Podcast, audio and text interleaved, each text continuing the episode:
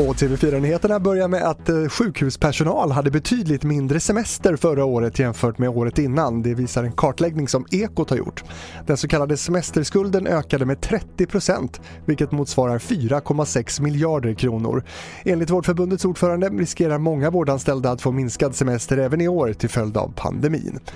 Och fackförbundet Kommunal vill nu se en ny lag som stärker meddelarskyddet för privatanställda som ska ge samma rättigheter som anställda inom offentlig sektor. Detta efter att ett privatanställt vårdbiträde fick en varning för bristande lojalitet av arbetsgivaren efter att ha påtalat brister i vården på ett äldreboende. Och till sist kan jag meddela att ett av de rikaste paren i världen, makarna Bill och Melinda Gates, skiljer sig efter 27 år som gifta.